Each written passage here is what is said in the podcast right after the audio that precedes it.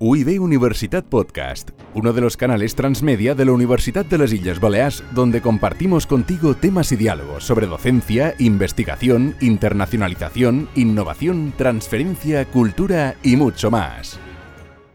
Buenas tardes, mi nombre es Antonia Pades, soy profesora titular de la Facultad de Enfermería y Fisioterapia de la Universidad de las Islas Baleares, soy doctora en psicología y a continuación me dispongo con este podcast hablar de la comunicación y algunos consejos en relación al teletrabajo y las videollamadas de trabajo.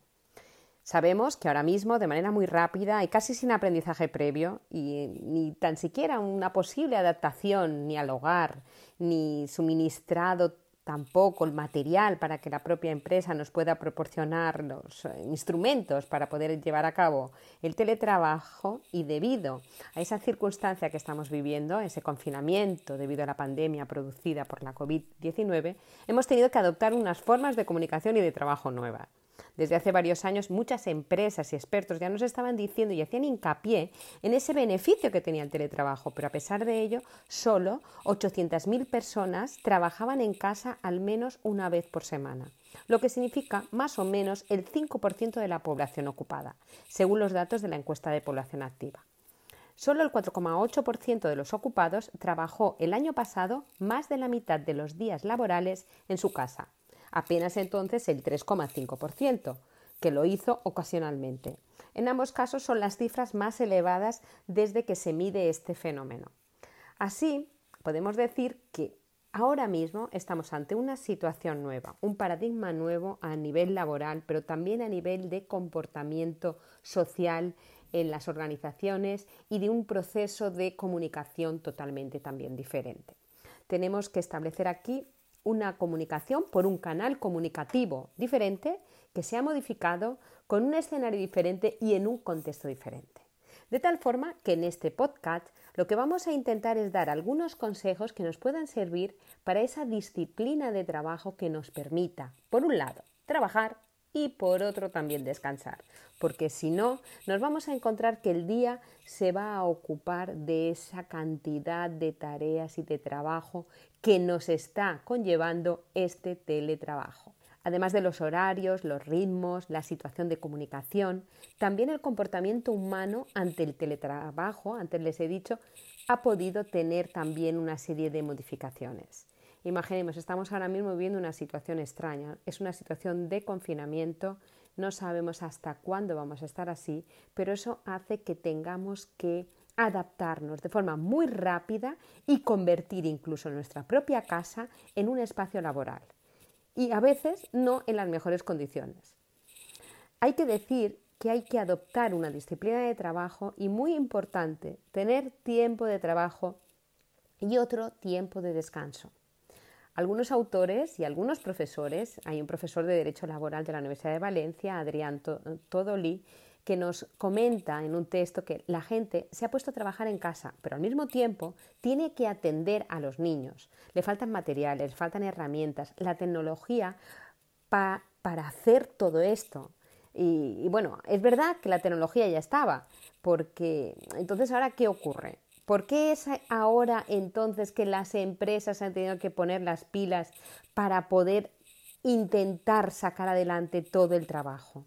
Podríamos haberlo previsto antes, probablemente sí o probablemente no. Lo que está claro es que ahora mismo hay una barrera cultural, es decir, hay algo, hay una fuerza que ha derribado el concepto laboral a nivel presencial y hay que ahora mismo adoptar una disciplina nueva de teletrabajo.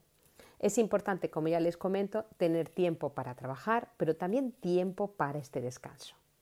¿Qué nos está pasando? Uf, ¿qué nos está pasando? Pues que estamos trabajando continuamente. En este pequeño audio vamos a dar esos consejos prácticos a modo de recomendaciones para adaptarnos a esta nueva forma de trabajo, de vivir y de comportarnos también a nivel laboral y familiar. Así, el canal comunicativo se ha modificado, el escenario se ha modificado y el contexto también se ha modificado. A modo de consejos para el, teletrabajo, vamos a recomendar lo siguiente. Primero, cuidar la apariencia. No te pongas el pijama todo el día. Vístete. Los simbolismos son importantes y además no eh, nuestro cerebro está acostumbrado a esos simbolismos, de tal forma que es importante hacer ese ritual de vestirte y adaptarte con un horario al trabajo.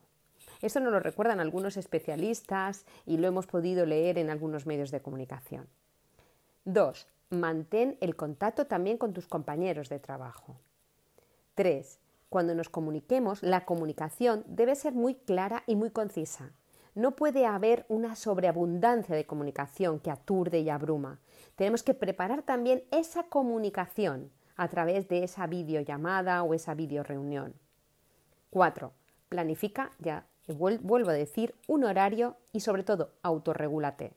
Es muy importante planificar tareas ir cerrándolas, incluso tomar decisiones o tener autonomía va a ser importante siempre y cuando sepamos gestionar bien el tiempo y priorizar lo importante. 5. El teletrabajo y confinamiento con niños en casa puede ser bastante complejo.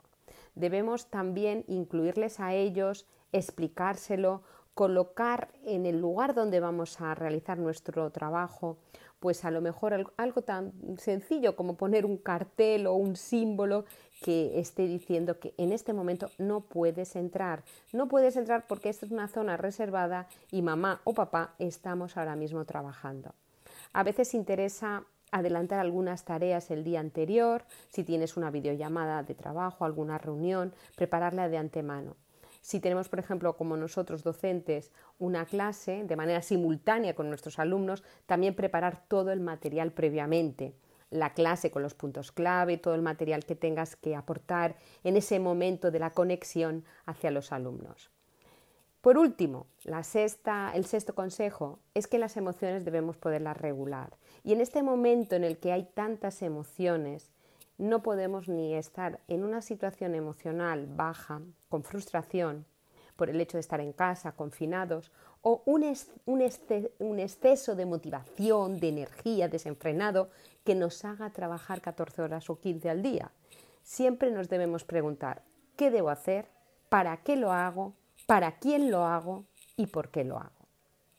Por último, algunos elementos también a tener en cuenta en una comunicación, en una videollamada, me gustaría recalcar algunos puntos a tener presentes cuando estemos en este, con este nuevo canal.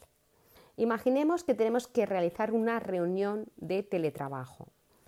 Eh, es muy importante primero preparar esta sesión, a veces nos han tenido que convocar a la misma de manera anticipada o bien somos nosotros los que convocamos a esa, a esa reunión. La información de la convocatoria también es importante. También si se puede grabar esta conversación o esta sesión también sería importante a través de los dispositivos para poderla grabar y si alguien no ha podido conectarse que pueda luego visualizar eh, dicha grabación.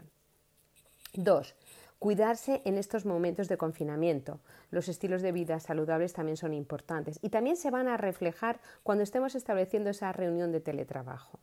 Las horas de sueño y descanso se van a reflejar también en nuestros rostros. Antes de la videollamada es importante también prepararse, prepararse física, mental y emocionalmente. Eh, algunos consejos, preguntarse ¿cómo estoy? ¿Lo tengo todo? ¿He acordado con mi familia que no me molesten en este momento? ¿Me he acordado de poner ese cartel de no pasar, como antes les comentaba? ¿Me he preparado e incluso se recomienda hablar cinco minutos antes para poder calentar la voz? Estos son algunos consejos que nos dio el otro día Judith, la directora de la UNED aquí en Palma de Mallorca, que estuvo realizando un pequeño vídeo para nuestra universidad. Otro de los elementos a tener en cuenta también en esa videollamada es cuidar la apariencia, vestirse adecuadamente para ese encuentro de videollamada, aunque sea por Skype, por Zoom, la apariencia cuidada, aseada, atendiendo al rol profesional, siendo uno mismo es importante. También preparar la cámara, el fondo, la luz, comprobar que todo funciona. Hay algunos autores que hablan también de la importancia del vaso de agua o del pañuelo en ese momento, por si tienes un estornudo, bueno, cualquier cosa, cualquier evento que necesites hacer uso de ese pañuelo. Otro de los elementos es, mm, vamos a intentar cuidar la mirada, la mirada ahora va a, ser, dirigida a la cámara, los gestos, los gestos, la expresión facial, los movimientos de los brazos y de las manos, la postura y el paralenguaje. El uso de un tono de voz adecuado, haciendo subidas y bajadas, no ir muy rápido, no interrumpir. Aquí el turno, de, el turno de palabras va a ser importante y el moderador de la reunión lo tiene que regular. Estructure muy bien el mensaje verbal, vaya de lo general a lo específico y utilice un lenguaje claro, conciso y correcto. Demuestre en todo momento seguridad, naturalidad y una actitud positiva y de confianza. En muchos momentos es necesario hacer pequeños resúmenes o conclusiones para poder intentar que el punto de esa reunión, que el hilo no lo perdamos. Es decir, vamos a recapitular, vamos a resumir. No olvidemos también la presencia, la presencia tan deseada y con tanto poder que ahora mismo, en estos momentos, igual se ha perdido. Cuando hablamos de presencia es aquello que nos otorga nuestra propia identidad personal a través de la dimensión corpórea, física, emocional, psicológica y conductual. Hemos tenido que ir muy rápido, todos aprendiendo, y ello nos genera mucho malestar y disconfort, también alterando el bienestar. Vamos a girar la mirada y pensemos que un cierto grado de nerviosismo puede ser bueno, siempre que podamos nosotros recobrar el control. La confianza y la seguridad se adquiere pensando en que somos buenos, que tenemos que potenciar al máximo nuestros recursos, tanto individuales, a nivel intelectual como emocional, y realizar siempre un reencuadre y una reestructuración positiva de esta situación que estamos viviendo. Espero con este podcast haber contribuido a reflexionar sobre el, complejo mundo de la comunicación y sobre todo adaptada a ese teletrabajo y a esas videollamadas de trabajo que día a día estamos realizando en nuestros hogares. UIB Universitat Podcast, uno de los canales transmedia de la Universidad de las Islas Baleares, donde compartimos contigo temas y diálogos sobre docencia, investigación, internacionalización, innovación, transferencia, cultura y mucho más.